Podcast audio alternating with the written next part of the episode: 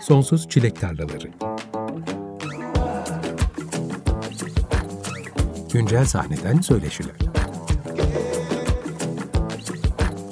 Hazırlayan ve sunan Tuğçe Yapıcı.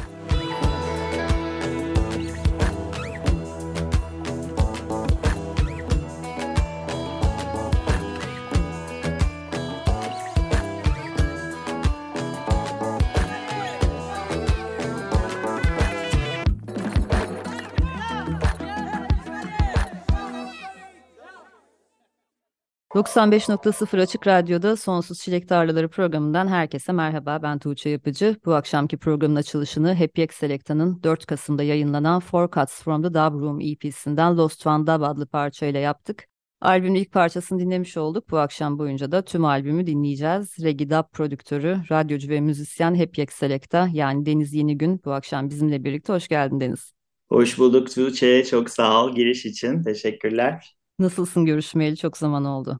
Evet çok zaman oldu. Yine pandemi öncesinde en son karşılaşmalarımız olmuştu. Ee, iyiyim valla sağ ol. İdare ediyoruz. Her şey yolunda diyebilirim. Pandemi biraz regi komünitesini ayrı düşürdü sanırım. Şimdilerde yeni yeni toplanmalar gerçekleşiyor ama biz seninle hala görüşemedik, karşılaşamadık bir yerlerde.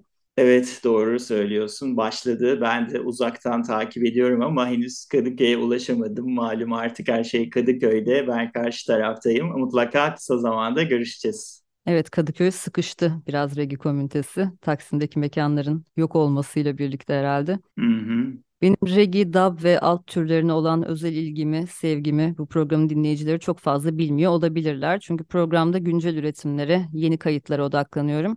Ve maalesef Regidap sahnesinden de çok fazla kayıtlı üretim çıkmadığı için aslında programda bu türlere istediğim kadar yer veremiyorum. Geçen yaz Sattas'ın parçalarını birer birer yayınlamaya başladığı yeni albüm vesilesiyle Orçun Sunayar'ı konuk etmiştim. Geçen aylarda da Levvera ismiyle yaptığı solo üretimlerini ve üyesi olduğu Bosforus'u konuşmak üzere Koray Sürücü'yü konuk etmiştim. Ve açıkçası 2022'de Regidap türlerinde başka bir konuğum daha olacağını düşünmüyordum. Ama senden sürpriz bir albüm gelince çok sevindim ve bu akşam önümüzdeki bir saat boyunca seninle regi ve dub konuşacağımız için çok mutluyum. Öncelikle bunun için teşekkür etmeliyim sana. Ben teşekkür ederim Tuğçe. Çok sağ ol. Senin de radarına takıldığı albüm. Ben de çok memnunum. Regi sahnesindeki DJ'lerin çoğu aslında aynı zamanda prodüksiyonda yapıyorlar. Hep üzerinde çalıştıkları bir sürü parça oluyor. Çeşitli kolaborasyonlar, albümler, projeler oluyor.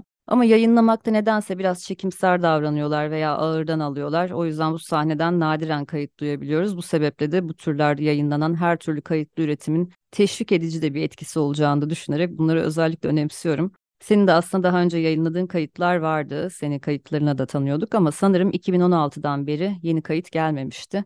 Uzun bir ara oldu. Forecast from the Dub Room ne zamandan beri üzerine çalıştığın bir albüm? Valla herhalde aslında buradaki en eski parça yine bir 4-5 yılı vardır. Ee, ama çoğunlukla parçalar çok uzun süre benim e, aklımda yaşıyorlar. Kayıt aşamasına geçmiyor.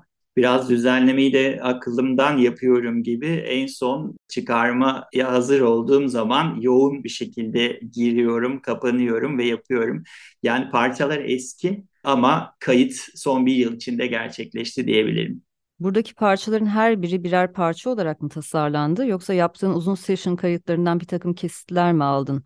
Yani albümün ismine bakınca ikincisi olduğuna dair bir izlenim alıyorum ama işin aslını merak ediyorum. Nasıl bir üretim yolu izledin bu albüm için?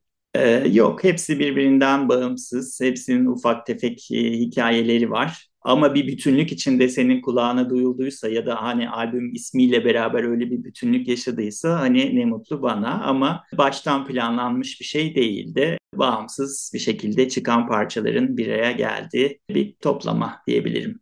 Aslında parçaların hikayelerini tek tek sormayı sevmiyorum. Çünkü sanatçılar anlatmakta zorlanıyorlar ama şimdi hepsinin minik hikayeleri var dediğin için soracağım. Lost Band Up mesela ilk dinlediğimiz parça nasıl bir hikayesi var? Evet ya hikaye derken de büyük büyük hikayeler anlaşılmasın ama e, vesile diyeyim.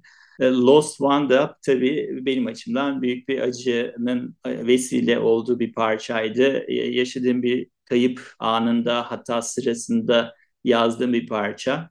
Aslında o parçanın sözleri var. Tam olarak sözleri var. E, ama çok kişisel olduğu için ben bunu hiç paylaşmak istememiştim. Kendime saklayacaktım aslında.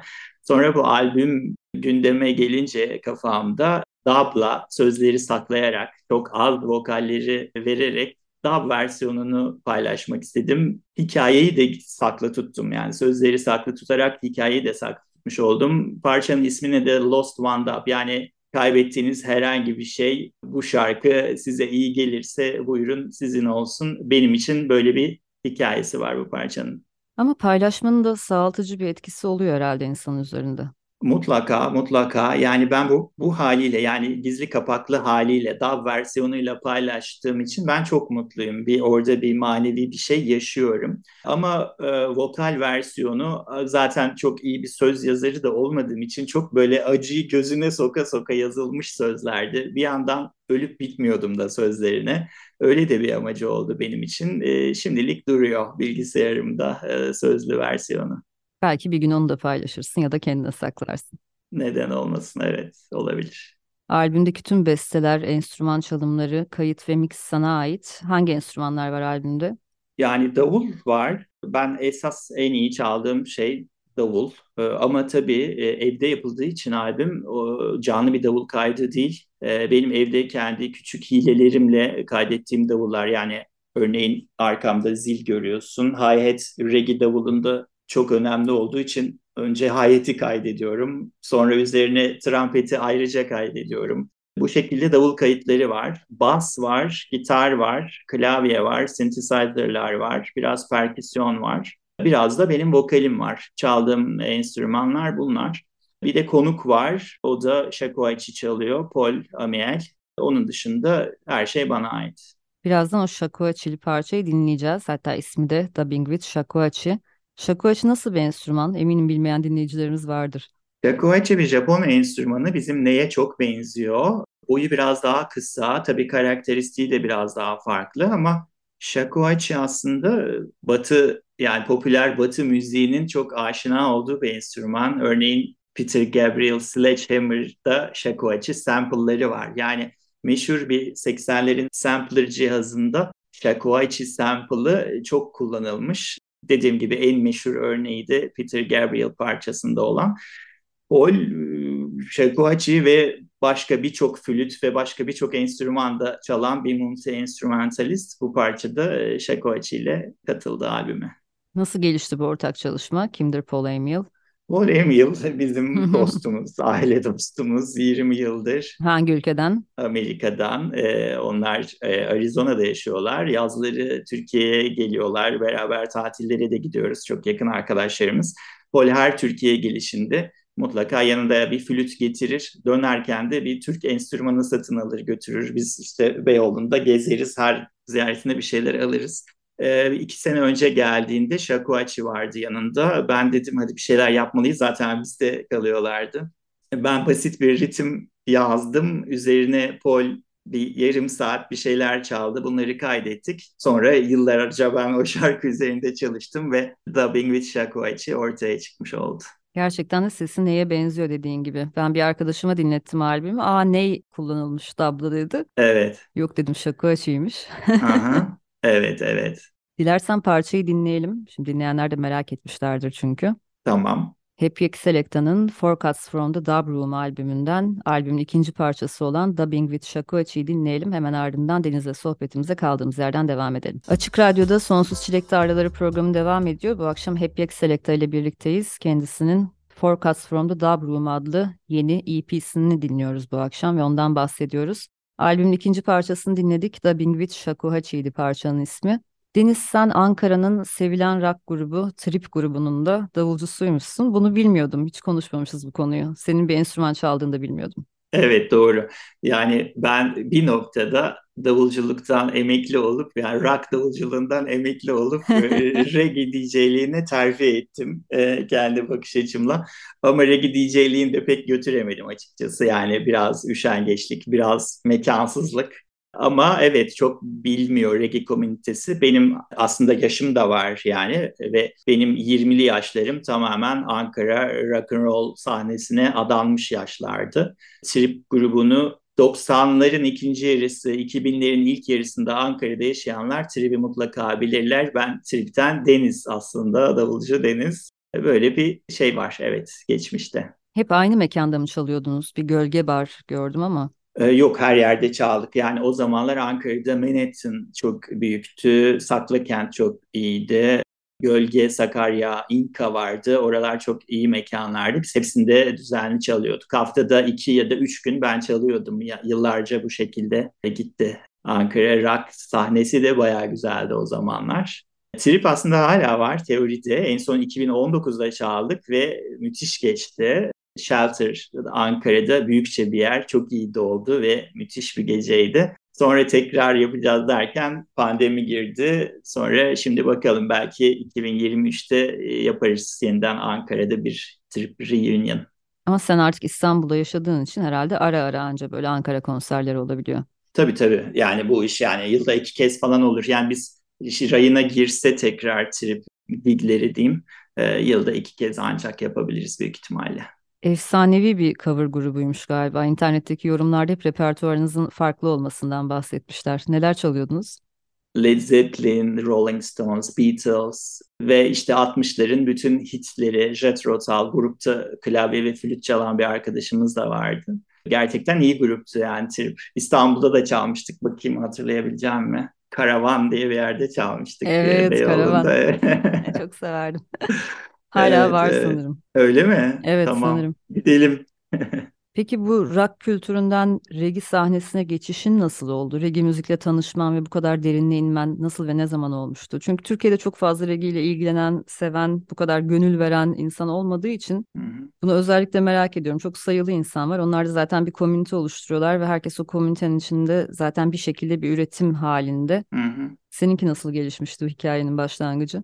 Benim e, çok net bir cevabım var bu soruya gerçekten. Kendi açımdan da çok, ben de çok seviyorum hikayeyi. Ben Amerika'da öğrenciydim. Sanırım 2003 yılı olması lazım. 2003 ya da 2004. Yaşadığım üniversite kasabasında sürekli gittiğimiz güzel müzik mekanları vardı. Oraya bir regi grubu geldi. O zamana kadar ben hani Bob Marley'i severdim. O kadar hani daha fazlasını merak etmemiştim.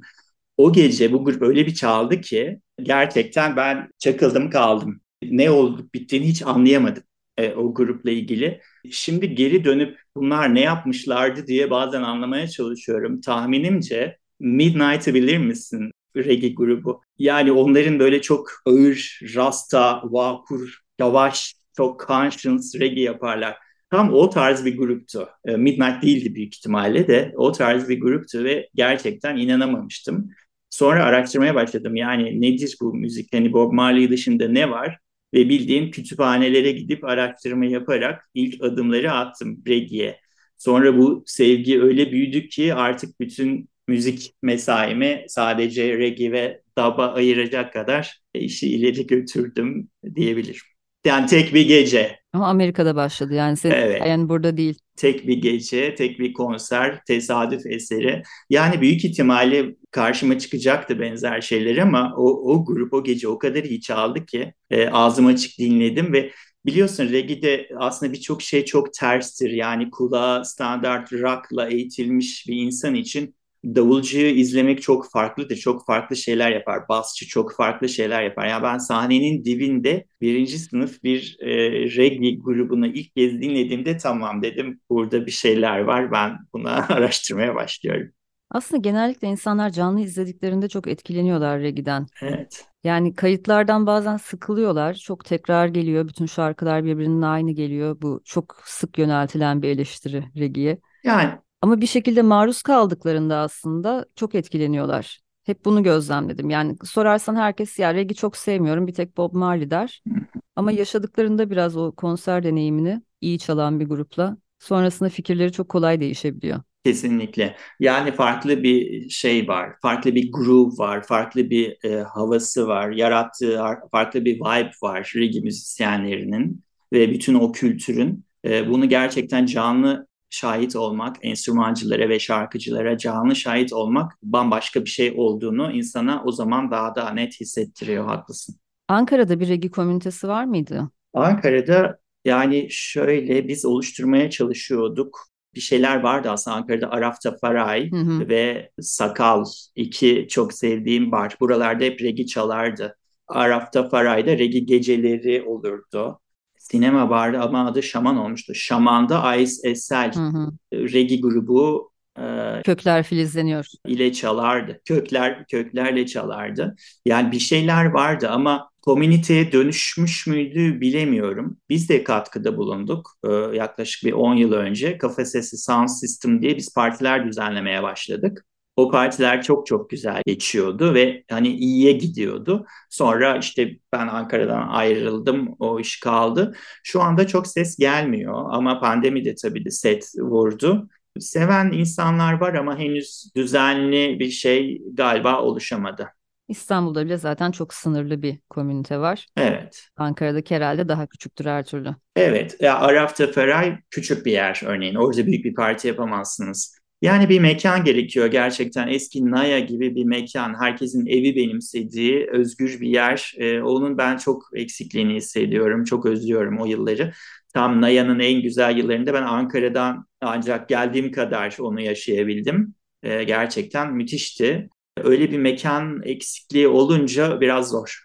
İstanbul'da da özellikle regi komünitesine dikkatimi çeken bir şey vardı. Bazı dönemlerde komünite üretmeye çok daha odaklı oluyor. Herkesin birbiriyle çok iyi ilişkiler içinde olduğu, o kolaborasyonların arttığı dönemler oldu. Ve o zamanlarda eğer regiye yer veren birkaç mekan varsa bu iyice körüklendi diyeyim bu ortam ve sevgi. Hı hı. Ama mekan kıtlığında bir şeye varılamıyor aslında. Yani bütün o üretim de bir yere varamıyor. Kesinlikle katılıyorum. Sadece reggae için değil yani rock müzik için de aynısı söylenebilir. Yine ben Ankara'yı daha iyi bildiğim için örnek vereyim. Bu az önce adını verdiğim mekanlar geriye gittikçe birer birer kapanmaya başladıkça e, Ankara'nın rock sahnesi de birazcık yavaşladı. Yani mekanlar gerçekten çok önemli. Şimdi bu akşam albümün hepsini dinleyeceğiz baştan söylediğimiz gibi. Ama eski kayıtlarından da dinleyelim istiyorum ki bizi dinleyenler senin bundan önce neler yaptığına dair de biraz fikir sahibi olabilsinler. Ankara Skunk parçasını seçtik bu akşam için. Birazdan onu dinleyeceğiz. Sanırım 2016'da yayınlanmıştı bu kayıt. Evet 2016 iki parça yayınlamıştım onları. Hani bir plan 200 gibi hayal etmiştim. Destinasyon ve Ankara Skank. Bu parçalarda o zamanlar şarkı da söylüyordum kendi bir şarkıcı olarak düşünmesem ve sesimi beğenmesem bile o zaman öyle esmişti. Vokalli bir parça olacak. Ondan önce 2013'te de yayınladığın kayıtlar vardı. Evet, 2013'te ilk yani 2013'te aslında ya bu evde nasıl müzik yapılır o biraz benim şeye denk geldi e, Tuğçe. Biraz grup müziğinden sıkılıp ya ben tamam biraz kendi bir şeyler yapmak istiyorum. Nasıl oluyormuş bu işler? Hangi yazılımlar işte ses kartı neymiş falan diye keşfetmeye çalıştığım dönemde. 2013 ilk denemelerim onlar cover'dı zaten. 2016'da biraz daha ciddiye aldığım aşamaydı. Bu yılki de biraz daha kendimce bir level daha eklemeye çalıştığım bir albümdü. 2013'ten DAP tanelerini ben çok seviyorum. Gerçekten mi? O da bir Kayahan parçası. Evet, ilk yayınlandığı zamanlardan hatırlıyorum. Kayahan'ın 88 tarihli Benim Şarkılarım albümünde yer alan Kar Taneleri parçası. Doğru. Bir dub versiyonu gibi aslında değil mi? Evet, evet. Dub taneleri demiştim. O parçaları ben hani kimse izlemiyor, kimse bilmiyor diye düşündüm. Şu anda çok mutlu oldum. Sağ ol. tabii hani benim daha ilk deneme dedim ya orada tabii ki kayıt teknikleri olarak daha e, acemilik zamanlarımda ama ben de severim o iki parçayı. Nereden aklına gelmişti bir Kayahan parçasını dub versiyonunu yapmak? Mesela benim çocukluğumda Kayahan çok yer tutuyor. Hı hı. Öyle mi? Hala da zaman zaman böyle aklıma gelir Kayahan parçaları. Çünkü çok fazla dinliyorduk çocukken. Şöyle e, Tuğçe, aslında bütün caz klasikleri, caz standartları kendilerinden daha eski pop parçalarının coverları. Ben de bir yani reggae bir şey koymak istediğimde ortada da bestem yokken aklıma bu caz örneği gelmişti ve Türkçe'de, popüler müzikte benim en sevdiğim parçalar hangileri? Onlara bir bakayım demiştim ve bu Bile Bile ve Kar Taneleri bende iz bırakmış. Ben oturup Türkçe pop dinlemiyorum ama bir şekilde e, maruz kalıyoruz ve bazı parçalar gerçekten çok çok güzel. Ben de kar tanelerini çok severim gerçekten. O şekilde çıktı fikir. Kulağına da kazınmış oluyor aslında çocukluktan beri. Doğru.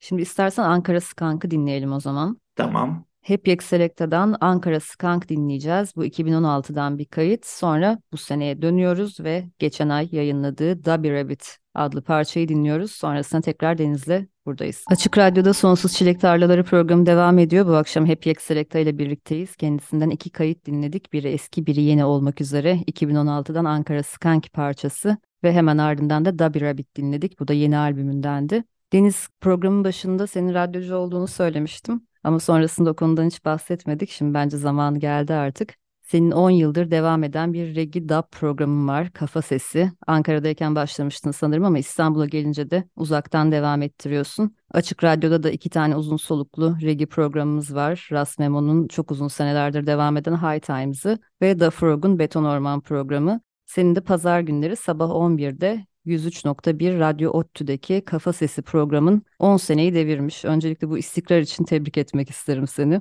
Nasıl setler duyabilir dinleyenler bu programda? Regi ve Dub'ın hangi alt türlerine yer veriyorsun? Tuğçe çok teşekkürler. Evet, High Times ve Beton Orman'la Kafa Sesi e, bu üç program bir ara şey de yapıyorduk hatırlarsın. Üç radyo programı mekanlarda partide yapıyorduk. Güçlerimizi birleştirip gerçekten güzel bir birliktelikti. Kafa sesi evet 10 yılı devirdi ben de inan, inanamıyorum. Ne çalıyoruz kafa sesinde? Aslında reggae'nin tüm e, tarzlarına girmeye, alt tarzlarına girmeye çalışıyorum ve genellikle programı 3'e bölüyorum. E, 20'şer dakikalık 3 bölüm, her bölüme bir başlık veriyorum. Bu başlıklar kimi zaman bir tarz oluyor, kimi zaman bir e, plak şirketi oluyor, kimi zaman bir filmin soundtrackleri, kimi zaman tek bir sanatçı. Böyle bir organizasyonla kapsayabildiğim her şeyi kapsamaya çalışıyorum. Reggae e, tarzı altında düşünülebilecek, reggae ve dub altında. Peki 10 sene boyunca bir reggae dub programı yapmak senin bu türlerle ilişkini nasıl etkiledi? Aslında Tuğçe ben biraz kendimi eğitmek için bu işin altına girmiştim bahsettiğim gibi regi'yi ben çok geç keşfettim ve kapatılması gereken çok büyük bir boşluk olduğunu fark ettim. Örneğin kalın kalın kitaplar alıyordum. İçine çevirince kimseyi tanımıyordum ve yani hiçbir şey bilmiyorum ben ne yapacağım. O kadar seviyorum ve hiçbir şey bilmiyorum. Ee, biraz da öğrenmek için başladı aslında. Ee, benim adıma kendimi eğittiğim bir okuldu biraz fazla didaktik de başlamıştım. İlk bir iki yıl kardeşim amma çok anlatıyorsunuz hikaye biraz daha müzik çalın gibi eleştiri de almıştım ama okuyup hikayeleri anlatmak çok hoşuma gidiyordu. Sonra onu azalttım tabii ki müzik ön plana geçti ve muazzam bir yolculuk ve bitmiyor. Yani 60'lardan 80'lere kadar Jamaika'da öyle bir hazine var ki 10 yıl reggae programına sığdıramazsınız. İnanılmaz bir zenginlik ve birbirinden çok farklı tarzlar, çok farklı yaklaşımlar. Her biri birer çığır açmış ikonik sanatçılar. E, gerçekten hala e, reggae'nin güzelliğini ve büyüklüğünü düşündükçe tüylerim diken diken oluyor 10 yıl sonra. Ve aslında çok uzun zamanda o adada hapis kalmış galiba o parçalar. Yani dijitalleşmeden sonra herhalde bu kadar ulaşılabilir oldu. Ve şimdi şimdi keşfediliyor. Belki şu an bile o dönemden yeni aktarılan kayıtlar oluyordur dijitale. Çok haklısın Tuğçe. Aslında e, adadan önce İngiltere'ye, oradan bütün dünyaya akış hep olmuş. E, ama bazı kayıtlar sadece adada raflar arkasında kalmış ve bu keşifler çok basit, gönüllü bir şekilde yani bildiğin insanların plaklarını koyup YouTube videosu hazırlayıp YouTube'a yüklemeleri üzerinden dijital ortama aktarılmış o kadar çok külliyat var ki. Örneğin ben radyoya bazen şarkı seçerken sadece YouTube'dan bulabileceğim, başka hiçbir yerden bulamayacağım o kadar çok şarkı oluyor ki bu anlamda evet gerçekten dijitalleşme biraz regi külliyatını ortaya çıkarmakta çok faydalı oldu. O yüzden de keşfetmekle bitmiyor herhalde şu an. Evet. Yani bu türlerde radyo programı yapmak da, mekanlarda setler çalmak da dünyadaki regi label'larıyla bir ağ geliştirmeyi de gerektiriyor sanırım. Daha önce regi DJ'leriyle konuştuğumda benzer şeyler söyleyenler olmuştu. Evet, e, Rasmemo bunu çok güzel yapıyor hı hı. ve Rasmemo'nun yıllar önce tanıştığımızda bana ilk verdiği tavsiye e, tam olarak bu olmuştu Tuğçe.